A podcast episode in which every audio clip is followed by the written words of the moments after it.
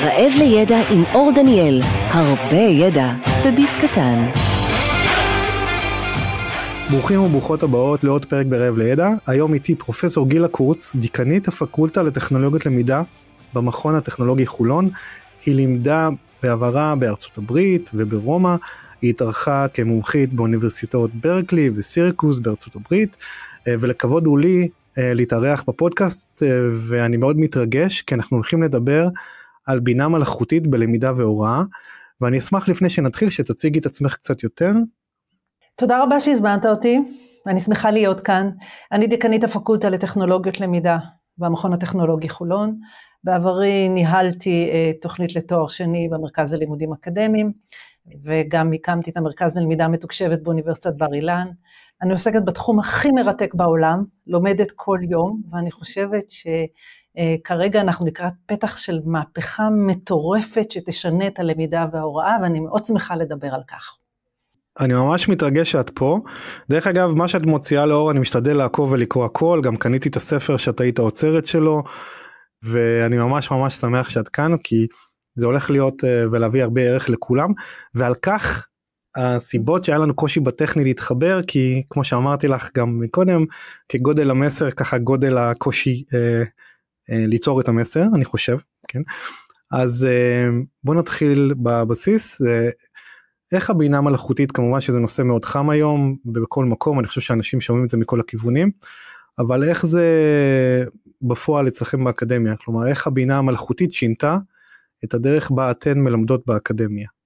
קודם כל אני רוצה לשתף אותך במשהו אישי, אני חושבת שהייתי בין הראשונים שזיהו שנפל דבר, ואני מדברת על נובמבר שנה שעברה, של, שברגע שה-chat GPT יצא לאוויר, אני לדעתי לא ישנתי שבוע כי הבנתי שמהפכה מתרחשת לנגד עינינו.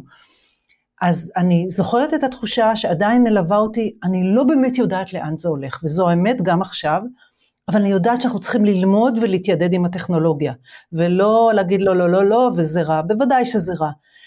אז השינויים הם, אנחנו בהתהוות, אבל ברור לנו שאנחנו משנים מהיסוד, ואני גאה להגיד שהצוות של הפקולטה, גם המנהל וגם הסגל האקדמי נמצא איתי, וכמובן הרוח הגבית של הנהלת המכון, להתנסות ולנסות. את יכולה לשתף אותנו בסיפורי מקרה איך אתם משלבים את הבינה מלאכותית בלמידה אצלכם במכון? בטח, יש לי המון, תעצור, תעצור אותי מתי שאתה רוצה שאני אעצור, כי יש לי המון המון סיפורים. אני אתחיל מהסיפור הראשון, שקודם כל, אה, יש לנו שותפים בתהליך הזה, וזה הסטודנטים והסטודנטיות, וצריך לזכור את זה. ואצלנו בפקולטה אנחנו מנסים, ואני מקווה שאנחנו גם מצליחים אה, ליצור תרבות של אמון.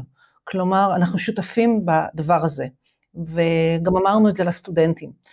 אה, הקבוצה הראשונה שהתנסתה אה, בצורה מעמיקה היא קבוצה של, יש לנו מסלול למצטיינים לתואר שני, סטודנטים שמתחילים את התואר הראשון, את התואר השני, יחד עם התואר הראשון. ואני זוכרת בפברואר, לא, בדצמבר שנה שעברה, אמרתי להם, תשמעו, תעשו יומן בינה מלאכותית, כנסו וספרו לי מה אתם עושים, ויש לנו יומן, הם תיעדו ברמה של כל פרומפט מה הם עשו ואיך הם עשו, ואני חושבת שזה היה אה, למידה מטורפת לנו, אז הבנו שהפרומפט חייב להיות מדויק, הבנו שיש הזיות, אבל הבנו שאנחנו בדרך חדשה. וזה היה הדבר הראשון שעשינו.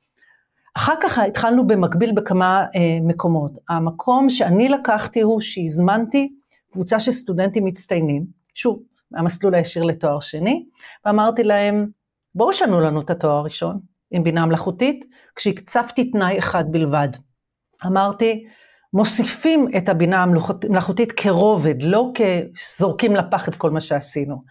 והתוצר הוא תוצר שגם נמצא לרשות הציבור והקישור אה, גם נשלח אליך. ראינו והבנתי שאני לא אוכל להוביל את המהפכה. אני צריכה את העיניים הצעירות שמסתכלות. והצעירות והחכמות והמבינות, והם יצרו קורס, רובד של בינה מלאכותית בקורס של UI UX. יש דבר שנקרא חקר פרסונות, והבינה המלאכותית יצרה תהליך של חקר פרסונות עמוק, עשיר וקצר. אז זה עוד דוגמה. עוד דוגמה, יש לי עוד מלא דוגמאות. לא, זה מעולה זה מעולה כרגע בדוגמאות אבל אני חושב שזה מאוד לא אורתודוקס כי זה לא מקובל אני חושב גם במקומות אחרים במיוחד באקדמיה מה שאת אומרת, שילבת את הסטודנטים בתהליך היצירה של תהליכים הלימודיים שאתם מעבירים. נכון, אה, אני... זה, זה יוצא דופן. נכון, ושוב אני מאוד נותנת קרדיט גם אה, לקודמתי, מי שהקימה את הפקולטה, פרופסור מיקי רונן, זיכרונה לברכה, אה, שמאוד עודדה עבודת צוות, ואני שמחה להגיד שהצוות שמוביל איתי, ראש החוג לתואר ראשון, נדמה לי שגם הוא התראיין אצלך, דוקטור דן כהן וקס, בתואר שני, דוקטור רן גל, אנחנו מבינים שאנחנו צריכים יחד עם הסטודנטים, והרבה מאוד פרויקטים, עבודות סמינר, אנחנו עושים בנושא דרך העיניים שלהם, אנחנו מבקשים את העיניים שלהם. עם זאת, יש גבולות אצלנו, והגבולות, יש לנו נוהל, נוהל שהוא קיים תמיד, על זכויות יוצרים, השראה, והכנסנו גם בינה מלאכותית, שזה אומר, עד כמה אתה משתמש בבינה מלאכותית, אתה צריך לדווח, ואתה אחראי על התוכן שבסופו של דבר אתה עושה. אז אה, זה חופש במסגרת של גבולות, אני מוכרחה להגיד, אבל בכנות, יש הרבה מאוד אמון הדדי, בטח מצידי למול הסטודנטים.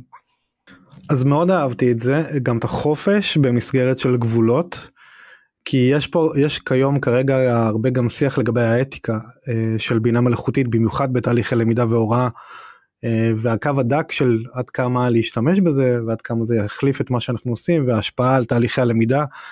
אה, מהבחינה גם הקוגנטיבית. ופה אני הייתי רוצה לשאול שאלה שהיא יותר מהותית, כלומר למה הלמידה וההוראה צריכים להשתנות?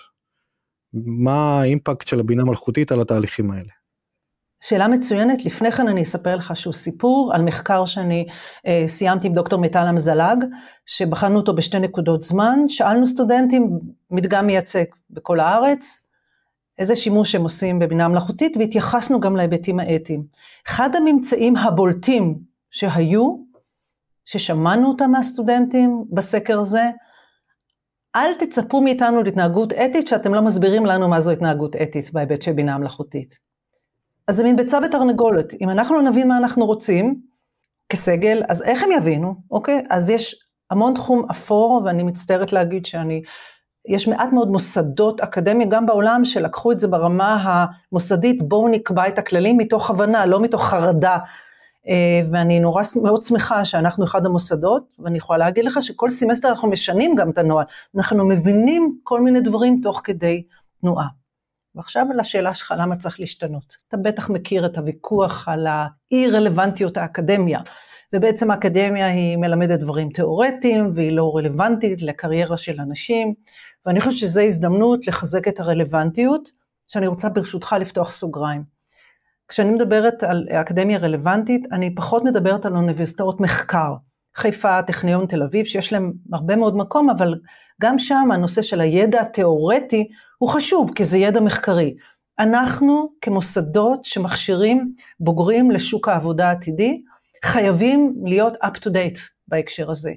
ו- וזה מסוג הדברים שאנחנו מאוד חורטים על דגלנו בכלל במכון, אבל בוודאי בפקולטה. ואני אגיד לך דוגמה אחת שתבין כמה זה חמור במובן החיובי. כל שנה, יש לנו אשכול טכנולוגי, כל שנה באחריות.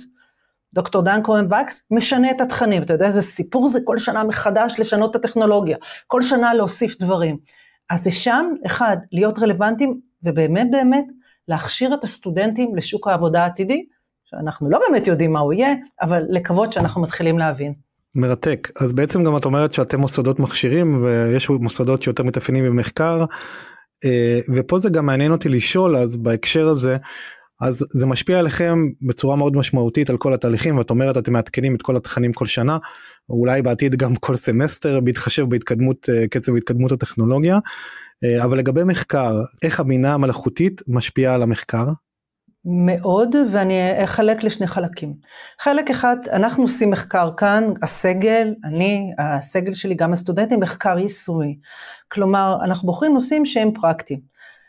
אני לא אחדש הרבה, ואם אני אגיד שיש הרבה מאוד כלים שיכולים לסייע, אפילו בבסיס של קביעת נושא למחקר, ושלחתי לך קישור לקורס שאני מלמדת, שעשיתי סדר גם בכלים שיכולים לסייע. לסייע, לא במקומי. שיקול הדעת שהסופי צריך להיות שלי, כלומר להבין את מה שאני עושה.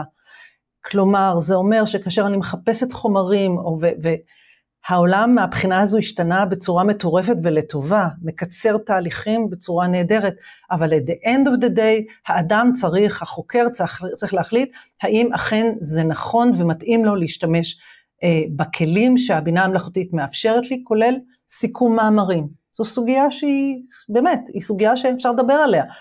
סיכם לי את המאמר, נתן לי את הדברים הכי חשובים, אני צריכה לקרוא את זה, כן, לא, סוגיה מאוד מאוד משמעותית. ואני רוצה להתייחס בהיבט של סטודנטים שעושים מחקר. לסטודנטים, גם בתואר שני, עדיין אין להם את הניסיון שלנו יש. והתפקיד שלנו להגיד להם, או, בואו, בואו ננחה אתכם. זה לא עוקף למידה, עוקף מחקר מה שיש כאן, אלא זה כלי שצריך לסייע לכם עם כלים של חשיבה ביקורתית שאנחנו ניתן לכם, להבין מה נכון ולא נכון.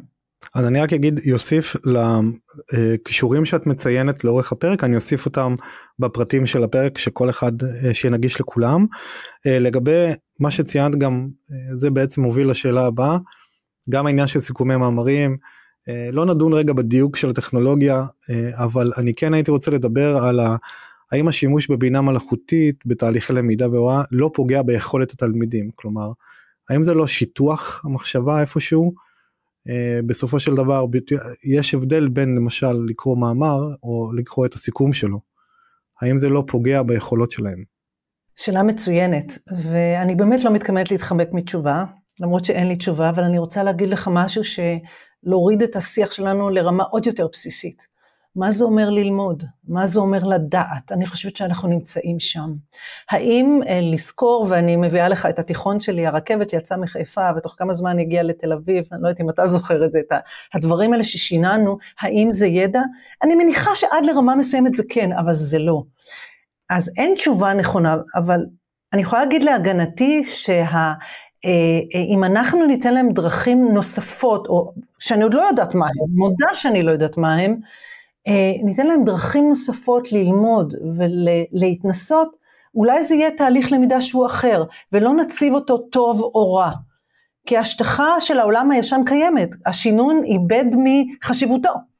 אין מה לעשות, זה, זה ממש ככה, בוויקיפדיה פרצה אז ואמרו, יואו, מה, הכל קיים, כל הידע קיים, גבי סלומון הרי יצא בקול קורא כנגד זה, אומר, מה יהיה, הם רק צריכים לדעת איפה לחפש, אז זה לא.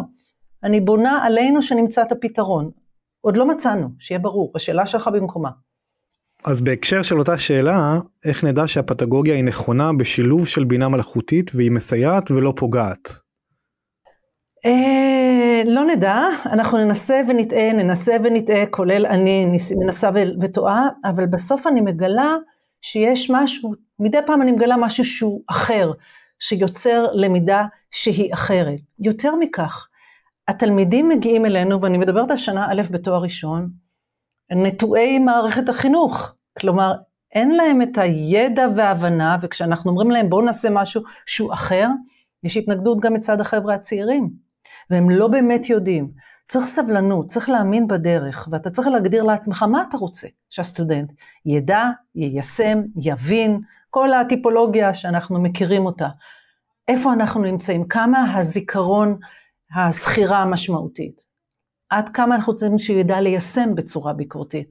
ולאור ה- היעדים, אתה תופר את החליפה. אני יכולה להגיד שיש לנו, בכל קורס יש חליפה אחרת, כי כל אחד מנסה מהכיוון שלו, אנחנו משתפים הרבה מאוד בידע, אבל התחושה שלי שאנחנו בכיוון הנכון, כי אחד, גם הסטודנטים מביעים עניין ורצון ושביעות רצון, שזה חשוב, וגם אנחנו מרגישים שהתוצרים הלימודיים הם אחרים. אני לא יכולה להגיד שהם יותר טובים לאחרים, אבל עושים שימוש בכלים ש... או באפשרויות שקודם לכן לא הייתה אפשרויות, לא הייתה אפשרית. דרך אגב, אני מאוד אה, שמח שציינת את אה, פרופסור אה, גבריאל סלומון, זיכרונו לברכה. אז גם בהקשר הזה של הטכנולוגיה שהיא בעצם אמורה את יודעת לסייע, כן, הוא גם אומר את זה עם המנוף שלו, מטאפורה של המנוף שעוזר לנו להרים מסעות כבדים שלא היינו יכולים להרים mm-hmm. אילולי הטכנולוגיה זה גם מה שאת אומרת ו- ועדיין אני אשמח לדוגמה מהקורסים שלכם אולי או בדרך שאתם בתהליכי הלמידה וההוראה שלכם אה, איפה זיהיתם איזה תהליך דוגמה למשל של שימוש בבינה מלאכותית הוא בהחלט שיפר לחלוטין את הצורה שבה הם מבצעים את, ה- את הלמידה או ראיתם שינוי באמת גם בתהליכים אצל הסטודנטים עצמם, כלומר גם יותר מעורבות אולי. אה, אני אשמח לדוגמה אחת או משהו, משהו בנושא הזה. כן, אני אשמח, אני לא בטוחה לשפר, משנה מהיסוד, בוא נסכם על משנה מהיסוד. ולפני שאני אתן את הדוגמה, יש מילה, משהו שאני צריכה להגיד שהוא השקפת העולם שלי. הטכנולוגיה משנה, הטכנולוגיה אמנם מסייעת, אבל היא משנה, the medium is the message, אנחנו שם, אנחנו מבינים שהטכנולוגיה משנה, אז זה לא משהו ניטרלי. אני אתן דוגמה מקורסי תכנות, עולם תוכן שמאוד רחוק לי, אבל אני שומעת הרבה מאוד את דוקטור דן כהן וקס, והוא אומר לי, תשמעי, אם פעם היו כותבים קוד, ועד שהם בעצם היו, הם בודקים את הקוד, אם הוא עובד פה, יש לנו מגרש חול, הם כתבו את הקוד, זורקים את זה לכלי בינה מלאכותית, והכלי בינה מלאכותית אומר להם, כאן זה שגוי, כאן זה נכון, תבדוק את זה, תעשה את זה. קיצרנו תהליכים בצורה מטורפת, וזה מאפשר להם ליצור אה, קודים ויכולות ושימוש בטכנולוגיה שקיצר לנו את התהליך של כתיבת הקוד מסקרץ'. אז זה כאילו קיצור זמן, אבל זה מאפשר להגיע לרמות גבוהות יותר. זו דוגמה אחת. אני יכולה להמשיך על עוד דוגמאות, אבל בואו נמשיך הלאה. בינתיים אני אחשוב על עוד דוגמה. אין בעיה, אני, אני גם הייתי רוצה להגיד בתור מהצד של הלומד דווקא, שנגיד אה, אני עכשיו מתחיל לכתוב ברמה אקדמית, או עובד על עצמי לפחות לכתוב ברמה אקדמית גבוהה יותר ממה שכתבתי בעבר, ויש ספר אה, של סטראנק אה, ועוד מישהו שכחתי, של חוקים של כתיבה, וחייב להגיד שבקריאה ראשונה לא ממש הבנתי. ואז ישבתי עם הצ'אט GPT ופשוט התחלתי לשאול אותו אם הוא מכיר ואז התחלתי לשאול אותו תסביר לי את החוק הזה ואת החוק הזה ותיתן לי ואז לא הבנתי גם אמרתי לו תיתן לי דוגמאות. והדוגמאות שנתן הוא עזר לי להבין ואז בעצם יצרתי תרגיל איתו שאני גם כותב ושואל אותו האם באמת עשיתי את זה בצורה נכונה ואם לא איפה טעיתי. ואז אה, יודעת, זה הפך להיות כלי מסייע מאוד מאוד חזק בצורה של איך אתה לומד לכתוב לצורך העניין אה, כלומד מהצד של, שלומד. אה, אז אני אמשיך לשאלה הבאה גם פה איך אנחנו יכולים את יודעת דיברנו על הרבה אספקטים בבינה מלאכותית בתהליכי למידה והוראה ו, ויש אנשים שמקבלים את הטעימה הזאת זה ממש את יודעת נגיס הפרק הזה איך תמליצי לאחרים ללמוד את הדרך הנכונה לשלב בינה מלאכותית בתהליכי למידה והוראה. חשוב לי לציין משהו שאת אמרת מקודם זה שאולי קודם כל ללמד את הלומדים שלנו מה זה אתיקה או מה מותר ומה אסור נכון? אז זה אחד מהשלבים ומה עוד אז איך עושים את זה? אולי צריך להתחיל שם. אה, כן. קודם כל לכל מי שרוצה להיכנס לתחום להתנסות. להתנסות להתנסות להתנסות. ותקשיבו תקשיב לי יש, אני יכולה לבקש מכל אחד שיעשה בשבילי הכל כדיקנית, והחלטתי שזה לא יעבוד, אני חייבת להתנסות. וההתנסות, אני זוכרת 24 שעות סגרתי את עצמי והתנסיתי בכל מיני כלים. והבנתי שזה מה שתורם לידע שלי. כי אם יספרו לי ואתה תספר לי ואני מאוד אשמח, אשמח על מה שתגיד, אה, אסמוך על מה שתגיד לי, עדיין אם אני לא אתנסה וארגיש מסטרץ' מה זה גרם לי, מה זה עשה לי, מבחינת ההבנה, זה לא ילך. ועוד הבנה שהייתה לי, וזה סיפור נוסף, שזה עדיין לא עניתי על השאלה שלך, אמ, אני רוצה לציין שני שמות של סטודנטים מבריקים שלי, שהנחיתי אותם לתואר שני, אה, אלעד דניאל ורוני חלילו, והם עשו פרויקט מדהים אה, של הערכת אה, מערכת, מערכת לניהול למידה. ואז הם שאלו אותי, תגידי, אנחנו יכולים לכתוב את הדיון, אצלנו כותבים באנגלית במסלול הישיר, אנחנו יכולים להתנסח באנגלית, להשתמש ב-chat GPT, להסתייע, אמרתי, בטח, בוודאי, אין בעיה, תשלחו לי. והם עשו את זה ושלחו לי, וקראתי, וכשאני קוראת, האושר עולה וגובר, כי אני רואה את האוויר חם של הטקסט וכמה אה, חרטוטים הוא נותן במובן של ניסוח, בדיוק מה שאמרת, החוקים של האקדמיה. ואז שוחחתי עם אלעד ורוני, ואמרת להם, תראו, זה לא טוב, ואתם צריכים לעשות ככה. והוא אומר, מה, באמת, וזה, והם מאוד התאכזבו, ואז רוני החכמה אומרת לי, גילה, נכון שהיית נורא מרוצה שזה לא עבודה טובה? ממש ככה, הבנתי שבינה מלאכותית לא יכולה להחליף אדם. אז זה להגיד לך. עכשיו, להתנסות, ולהתחיל בקטן, אתה יודע, כל יום כלים, יש, uh, there is an AI for that, בכל מקום, יש מלא מלא כלים, להתחיל בקטן. ולהתחיל לפי צורך. לא להתנסות בשביל ההתנסות, אלא להגיד, זה הצורך שלי, זה עולם התוכן שאני נאמר הולכת ללמד, בוא נראה איך הוא יכול לסייע לי. ואני מכירה את עולם התוכן, ואני רואה את האפשרויות שהוא נותן לי לתוך עולם התוכן. אז זו הדרך, להתחיל בקטן, לא לחשוש, לבקש סיוע, אני טובה בלבקש סיוע, וסטודנטים עוזרים לי כי לא תמיד אני מבינה, אה, כך שמהבחינה הזו ולא לחשוש. ולא להגיד, מחר אני אעשה את זה, היום, אין זמן. בסדר גמור, מעולה. אה, יש לי שאלה שאני שואל אה, באופן קבוע בפודקאסט, זה איך את לומדת משהו חדש? מהסטודנטים. מעבר לכלים, למסלולים הרגילים, תקשיב, אני עכשיו מלמדת קורס, קורס שמכין סטודנטים לפרויקטי גמר, אני מלמדת בתואר שני, והם צריכים לקבוע נושא, יש לנו הרי התמחות לבינה מלאכותית, אז מרביתם בחרו נושא של בינה מלאכותית, ויש לנו גם מומחים לבינה מלאכותית, אבל אני רואה דרך העיניים שלהם לאן הם הולכים, מה הכיוון שהם חושבים על בינה מלאכותית ומה הם רוצים לעשות. וזו הדרך שמסייעת לי להבין לאן העולם הולך. דרך הסטודנטים. מחקרים אני קוראת, אני קוראת מחקרים, אבל מחקרים מטבעם הם יחסית מסורתיים על פי הכללים של האקדמיה. אבל כשאני יוצאת לשטח ורואה את הדרך שהסטודנטים עובדים, מבחינתי זו הדרך שמלמדת אותי הכי הרבה. מקסים. ושיהיה ברור, לפעמים לא נעים לי, אני רואה כל מיני דברים שהם עושים, ובואו נדבר רגע על אתיקה, אה, לא כל כך נעים לי מה שאני רואה, ואז אני אומרת, אוקיי, בואו נדבר על זה, בואו נדבר על זה. האם זה בסדר, לא בסדר. אה, ואנחנו כן שמים דגש על אתיקה. אסור להעתיק מ-chat GPT as is לעבודה. אסור, זה לא, זה פשוט נו נו, פשוט לא. אבל אתה יכול להיעזר בהיבט של ניסוח, אתה יכול להיעזר בכל כלי שיכול לסייע לך, אבל כאשר הוא מגיע למקום שהוא עושה את העבודה במקומך, אז זה לא. אגב, סטודנטים עושים את זה, שיהיה ברור שעושים את זה, אני לא מתיימרת להגיד שזה לא קורה.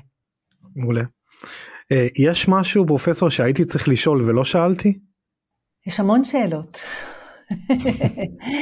אבל אני כן אתייחס למשהו שאני שומעת הרבה מאוד אה, בהקשר, לא בית של אתיקה, אלא של שימוש לרעה, לאו דווקא אתיקה, שימוש לרעה בכלי בינה מלאכותית גם בתהליכי למידה. ואני רוצה להגיד משהו שמורי ורבי, פרופסור דוד חן מאוניברסיטת תל אביב אמר, הטכנולוגיה היא לא רעה, הרשע הוא אנושי, כלומר, אנחנו כבני אדם צריכים להבין, לעשות שימוש הגון והוגן בטכנולוגיה, ולא שימוש רע. ואם יהיו, יהיו, יהיו, תוצא, יהיו תוצאות רעות, ברור לי שיהיו, אבל זה בגלל האדם, לא בגלל הטכנולוגיה. וזה מסר שמאוד מאוד חשוב לי להעביר אותו. מדהים, תודה. בהחלט הטכנולוגיה היא מה שאנחנו עושים איתה. אמ, אז פרופסור המון תודה אה, על הפרק, אני מקווה מאוד שנהנית. מאוד, תודה רבה, ותודה רבה לך על העבודה הנהדרת שאתה עושה. תודה רבה פרופסור ותודה רבה לכם שהאזנתם לשים לב יש המון המון המון כישורים רלוונטיים לכל מה שפרופסור קורץ אמרה בפרטים של הפרק תשתמשו בהם המון המון מידע חשוב כלים כל מה שתרצו לדעת ונתראה בפרק הבא להתראות. להתראות. רעב לידע, פודקאסט בו אור דניאל מביא נגיסי ידע בעולמות הלמידה, הטכנולוגיה והיזמות. לומדים מארכיטקט למידה שעשה קריירה מללמוד. הצטרפו לחוויה שלא רק תעשיר את חייכם, אלא גם תיתן לכם את הידע, כלים, כישורים ומיומנויות להצלחה. מי שלומד גם נהנה וגם מצליח. תוכן מבית לרנטק.co.il